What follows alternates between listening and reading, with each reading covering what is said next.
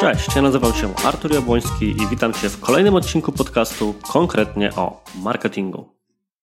W sieci jest bardzo dużo poradników dotyczących tego, jak konfigurować reklamę na Facebooku, na Instagramie, w zasadzie w każdym możliwym kanale internetowym. Problem polega na tym, że mimo najszczerszych chęci, poradniki te tworzone są przez osoby, które niekoniecznie powinny tworzyć poradniki dla absolutnie początkujących. Z czego to wynika? Bardzo duża liczba poradników jest tworzona przez osoby, które pracują w agencjach reklamowych, domach mediowych czy innych organizacjach na bieżąco zajmujących się pracą nad kampaniami. Taka praca bardzo często wiąże się również z dużymi budżetami, którymi się obraca. Tymczasem Oczywiście nie da się stwierdzić, że osoba, która obraca dużymi budżetami, nie jest w stanie wczuć się w sytuację osoby, która ma mniejszy budżet. Natomiast bardzo często tak to właśnie wygląda. Nie ma więc w tym złej woli. Bardziej jest to próba przekładania praktyk, które działają w sytuacji, w której mamy do wydania kilkadziesiąt czy kilkaset nawet tysięcy złotych w skali miesiąca, na praktyki osób, które będą miały ten budżet, no, pozbawiony co najmniej kilku zer. Dlatego właśnie na bazie moich doświadczeń w pracy z klientami, którzy mieli ten mniejszy budżet, o którym zaraz będę mówił, i moich działaniach, na przykład szkoleniach czy audytach kont właśnie w ten sposób działających, przygotowałem poradnik, krótki poradnik na temat tego, jak zająć się reklamami na Facebooku i Instagramie, kiedy mamy mały budżet. Zaczynajmy.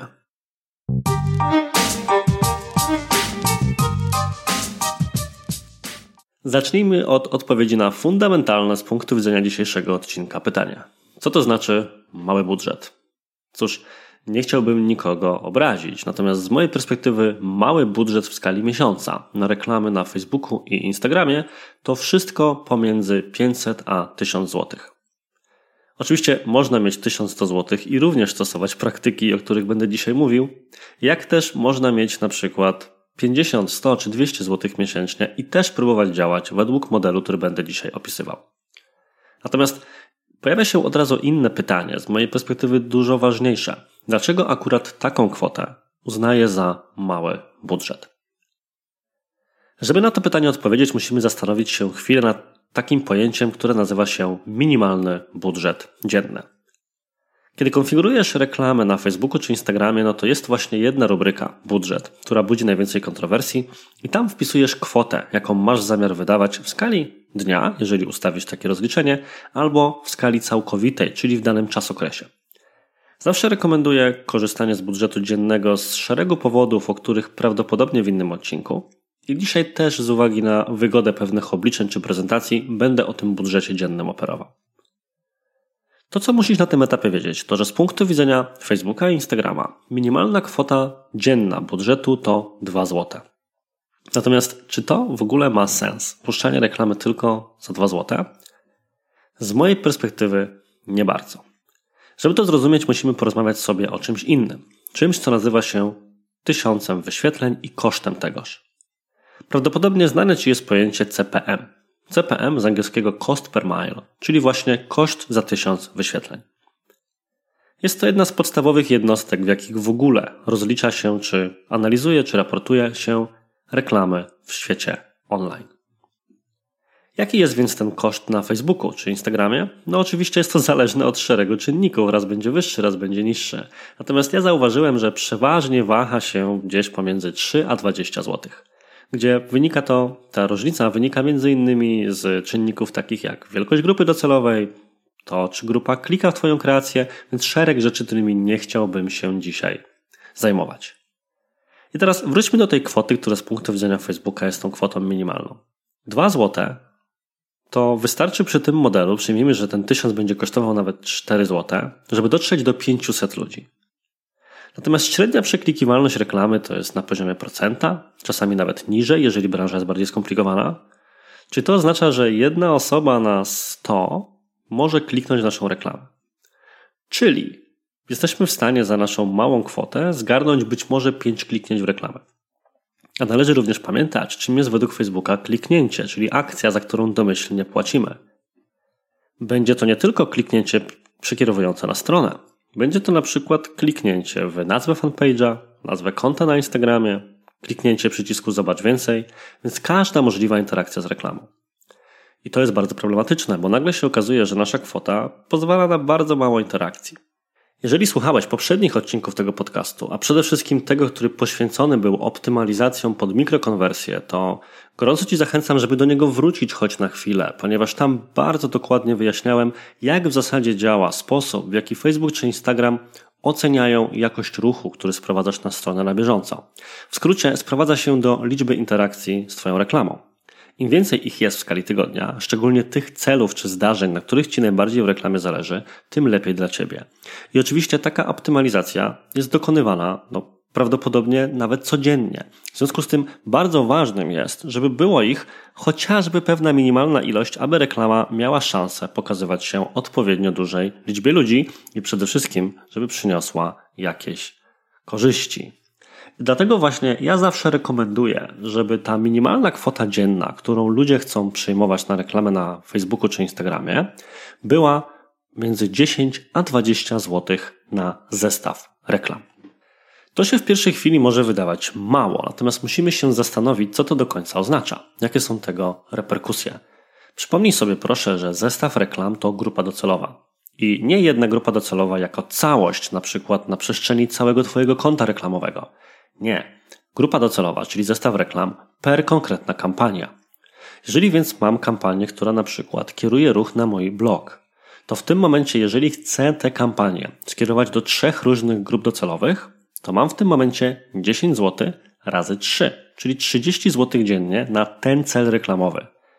Ale jeżeli jednocześnie będę chciał trzem innym grupom docelowym pokazywać tę reklamę, no to mam w tym momencie kolejne pieniądze. Z 30 robi mi się 60. Więc to jest sytuacja, gdzie ewentualnie można próbować oszczędzić i po prostu stwierdzić, dobrze, na początek zajmę się tylko tymi trzema grupami. Co jednak z sytuacji, w której chcemy te konkretne grupy wykorzystać w innych kampaniach? Bo na przykład chciałbym skierować im reklamę typu pozyskiwanie kontaktów, o której mówiłem w jednym z poprzednich odcinków. Albo chciałbym, żeby te osoby zobaczyły kampanię na wiadomości, albo zachęcać je do zapisania się do newslettera. Generalnie zachęcać je do realizacji innego celu reklamowego.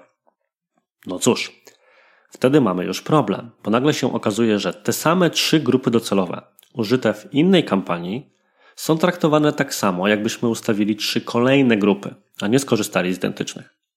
Okazuje się więc, że musimy myśleć o budżecie nie per grupa docelowa, ale per konto, a przede wszystkim per struktura kampanii.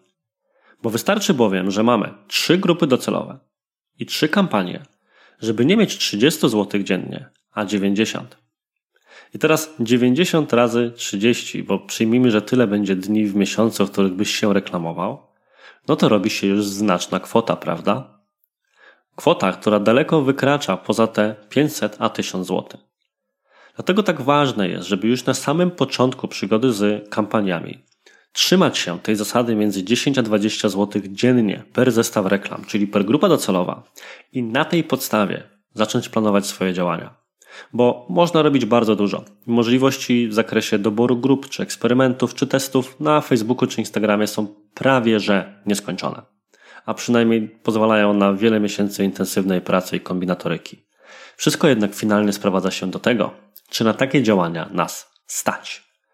Bo może się okazać, że w związku z budżetem, którym dysponujemy, będziemy mogli sobie co najwyżej pozwolić na dwie kampanie i to prowadzone nie w tym samym czasie, do maksymalnie dwóch grup docelowych w skali miesiąca. Z jednej strony jest to informacja smutna, z drugiej strony jednak przynajmniej dobrze nam mówi, czego się spodziewać. Wobec tego w dalszej części odcinka skupmy się już na tym, jak działać, kiedy ten budżet jest właśnie takiej wysokości i na właśnie takie działania pozwala. Jedziemy. Zacznijmy może od tego, że bardzo prawdopodobne jest to, że reklama na Facebooku i Instagramie to zaledwie jeden z kilku kanałów marketingowych, z których korzystasz. Pewnie jesteś też obecny na tych portalach w sposób bezpłatny, prowadzisz fanpage czy komunikację na koncie na IG. Ale pewnie poza tym starasz się jak możesz, żeby tworzyć treści, być obecnym w Google, masz też jakąś rozpoznawalność czy wyszukiwalność. Dążę do tego, że prawdopodobnie przez Twoją stronę przewija się przynajmniej kilkaset albo kilka tysięcy osób miesięcznie. I wiesz co? To właśnie te osoby powinny być głównymi adresatami Twojej reklamy na Facebooku i Instagramie w początkowym okresie, szczególnie kiedy operujesz małym budżetem. Dlaczego? Mogę Ci powiedzieć z doświadczenia, że kampanie kierowane do grup remarketingowych mają zazwyczaj lepsze statystyki. Co przez to rozumiem? Przede wszystkim niższe koszty konwersji, jeżeli prowadzisz reklamy zorientowane właśnie na zakup czy na na przykład wypełnienie formularza. Jak również, jeżeli jest to początkowy etap Twojej działalności, wyższą przeklikiwalność. Nie chodzi może o to, że nagle jedna osoba, która wyląduje na Twojej stronie, będzie Cię kosztowała realnie mniej, na przykład o jedną trzecią, bo muszę Ci powiedzieć, że nie zawsze tak jest, wbrew temu, co wiele osób sądzi. Natomiast to, na co na pewno możesz liczyć, to na to, że te osoby, które już Cię znają, będą częściej w Twoje reklamy klikały niż te, które po raz pierwszy w życiu Ciebie widzą. No jest to logiczne. Oni Cię już znają, oni Cię już kojarzą. Dlatego tak warto puszczać kampanie remarketingowe, ponieważ na tym etapie każdy inny kanał działania, który sprowadza ruch na Twoją stronę, działa na Twoją korzyść. Oczywiście, żeby tego typu kampanię uruchomić, musisz przejść kilka kroków. Pierwsza sprawa, na Twojej stronie musi znaleźć się pixel Facebooka. A druga sprawa, musisz umieć skonfigurować później odpowiednią kampanię. Dlatego właśnie mam na swojej stronie poradniki, które prowadzą Cię za rękę przez oba te etapy i będą podlinkowane w opisie tego odcinka. Tam Cię właśnie abstrahując od remarketingu, no ponieważ nie każdy ma wymaganą liczbę ruchu na stronie, czy nie każdy ma ochotę kisić się tylko i wyłącznie w sosie użytkowników, których już mu się udało zdobyć to zauważyłem, że jest pewien główny błąd początkujących, tudzież osób, które, wbrew pozorom, postanowiły uczyć się już i zdobywać wiedzę na temat prowadzenia kampanii. Ten błąd, tudzież ta tendencja, żeby nikogo tutaj nie obrazić, to tendencja do nadmiernego komplikowania własnych kampanii. O co chodzi? Chodzi w skrócie o to, że bierzesz na przykład udział w szkoleniu, czy poczytasz te artykuły bądź poradniki, o których mówiłem. Dowiadujesz się, że są jakieś ciekawe, inspirujące cię rozwiązania w zakresie targetowania czy strukturyzowania kampanii. Wracasz więc do domu po takim wydarzeniu, czy odrywasz się od biurka i próbujesz wdrożyć zdobytą wiedzę. I generalnie chwała Ci za to. Super, jestem jak najbardziej za testowaniem i wdrażaniem wiedzy, a nie ograniczaniem się tylko do czytania. Kwestia jednak jest taka, że Wracając do początku dzisiejszego odcinka, trzeba umieć się zastanowić, czy praktyki polecane przez autora albo przez prelegenta to są praktyki, które będą miały zastosowanie w branży takiej jak Twoja oraz w świetle wszystkiego, czym dzisiaj się zajmujemy, przy budżecie takim jak Twój. Moje doświadczenie pokazuje jedną rzecz. Im mniejszy budżet, tym mniej należy kombinować. Co przez to rozumiem? Skoro możemy mieć tylko grupę docelową, na przykład za 10 zł, to oznacza, że jeżeli mamy mniejszy budżet, to powinniśmy tworzyć mniej zestawów reklam. Powinniśmy więc zbierać zainteresowania w jedno, zamiast dzielić się na kilka. O co chodzi? Dużo osób, które odkryje, jak działa targetowanie po zainteresowaniach, stwierdza, że oni teraz znajdą idealne ustawienia i idealne zainteresowanie, które będzie przynosiło im najwięcej korzyści.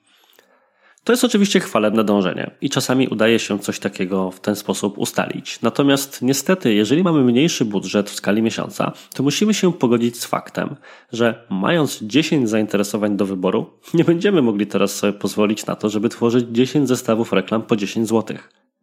A jeżeli stworzymy 10 zestawów reklam po 2 zł, to teoretycznie starczy nam tych pieniędzy, ale w świetle wszystkiego, co mówiłem wcześniej, no nie przyniesie to efektu, ponieważ liczba wyświetleń i liczba osób, które się przez naszą stronę przewiną, czy wejdą w interakcję z naszą reklamą, będzie po prostu zbyt mało liczna. Czyli wyniki takiego testu będą po prostu niekonkluzywne. Trzeba więc pogodzić się z faktem, że będziemy tworzyli mniej zestawów reklamowych. Jeżeli Cię to martwi, bo miałeś, miałaś ochotę ustalić te jedne idealne zainteresowanie dla Ciebie, to odsyłam Cię do odcinka, w którym mówiłem o wykluczaniu jako metodzie targetowania. Mam nadzieję, że pokaże Ci ona, że to dążenie niekoniecznie ma sens i nie musisz się biczować tym, że nie uda Ci się tego wprowadzić. Drugi wątek związany z małą kombinatoryką. Nie eksperymentuj z ustawieniami umiejscowień czy urządzeń. Wiem, że Świeżbi cię, bo mnie też zawsze świeżbi, żeby dowiedzieć się, czy lepiej kierować na użytkowników mobilnych, czy na użytkowników, którzy korzystają z Twojej strony na komputerze. Czy bardziej konwertować będzie grupa, którą zbierzesz z Instagrama, czy ta, którą zbierzesz z Facebooka. Powiem Ci tak, o ile nie masz naprawdę wyraźnych powodów na to, żeby coś takiego rozdzielać. Czyli dopóki to nie jest tak, że 90% konwersji na Twojej stronie pochodzi z komputerów i wyłączysz wtedy komórki.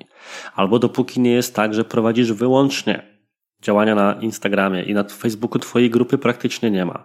To zdaj się w zakresie tych ustawień na ogólne sugerowane przez Facebooka ustawienia. Ja nie jestem fanem żadnych automatów, które te narzędzia proponują. Wręcz przeciwnie, uważam, że w wielu miejscach trochę nas oszukują, o czym wielokrotnie w tym podcaście już mówiłem, czy na blogu pisałem. Natomiast w sytuacji, w której dopiero zaczynamy, albo dysponujemy mniejszą kwotą w skali miesiąca, to musimy tym automatom zawierzyć i obserwować sytuację na bieżąco. Trzecia sprawa, niech Cię nie kusi zmienianie żadnych dziwnych rzeczy typu metody optymalizacji, wyświetlenia czy ustawiania ręcznych stawek. To są narzędzia, które są przydatne, kiedy wydaje się tysiące czy dziesiątki tysięcy, ponieważ wtedy realnie mogą przynieść korzyści, biorąc pod uwagę skalę, którą udaje się osiągać. Na samym początku w tym zakresie również trzymaj się automatów. Trzeci, bardzo ważny wątek. Skup się na kreacji. Jakby ci to powiedzieć? Im mniejszy budżet się ma, tym większą liczbą niewiadomych się tak naprawdę operuje cały czas. No bo nie wiemy, czy grupa, którą dobraliśmy, z uwagi na to, jak wiele zainteresowań musieliśmy w nią wrzucić, jest realnie tą grupą właściwą. Jeżeli dopiero zaczynamy, no to nie wiemy jeszcze w zasadzie, czy tak naprawdę nasz produkt czy strona ludziom się podobają. A do tego dochodzi jeszcze ta kreacja. I teraz, kiedy puszczasz reklamę i nie przynosi ona wyników, a przynajmniej nie obserwujesz ich po kilku dniach, to pojawia się pytanie, kogo mam winić za niepowodzenie? Czy dobrałem, dobrałam złą grupę docelową, czy po prostu kreacja nie trafiła w jej oczekiwania? Z tej dwójki w większości wypadków obstawiałbym kreację i zachęcam Cię do skupienia się właśnie na niej. Jeżeli szukasz metody na optymalizację swoich rozwiązań, to najważniejszą będzie właśnie kreacja. Idealna grupa nie zareaguje na kiepską kreację. Natomiast z kolei dobra kreacja ma szansę przekonać do siebie i do ciebie nawet średnio stargetowanych odbiorców. A że średnio targetować będziesz musiał z uwagi na budżet, którym dysponujesz, to już wiesz. I to prowadzi nas do wątku finalnego, czym jest tak naprawdę średnie targetowanie. Cóż, na Twoim miejscu na samym początku nie skupiałbym się zbytnio nawet na ustawieniach opartych na zainteresowaniach.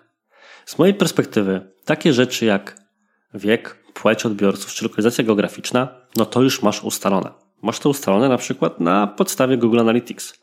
Nic nie stoi na przeszkodzie, żeby ustawić prosty segment wszystkich konwertujących na Twojej stronie. I o ile tylko wszystkie cele i zdarzenia w Google Analytics masz odpowiednio skonfigurowane i je śledzisz, to system wypluje Ci dane, na podstawie których możesz wprowadzić następnie podstawowe opcje targetowania w swoim zestawie reklam na Facebooku. I jasne, nie jest to jedyna grupa, którą powinieneś adresować, natomiast no, przy małym budżecie od czegoś trzeba zacząć, prawda? Przeanalizuj więc swoich dotychczasowych klientów i szukaj ich cech wspólnych. Jeżeli nie możesz tego zrobić w Google Analytics, to może pora na małą ankietę, może pora podzwonić, to może pora po prostu zastanowić się nad tym, kto od ciebie w zasadzie kupuje. Kwestia przede wszystkim sprowadza się do tego, że na samym początku nie ma co robić testów według tego, co sugeruje ci narzędzie.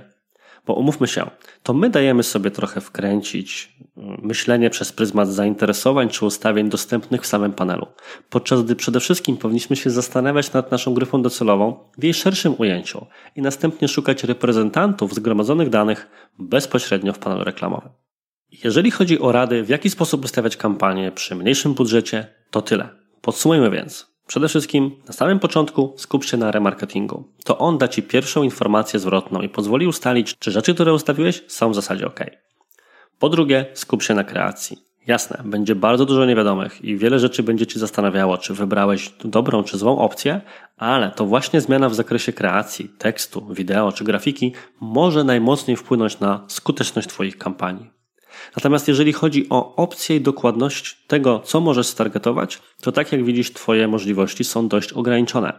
Nie skupiaj się teraz na pojedynczych zainteresowaniach, podziale na umiejscowienia, rozdzielaniu reklam między komputery i urządzenia.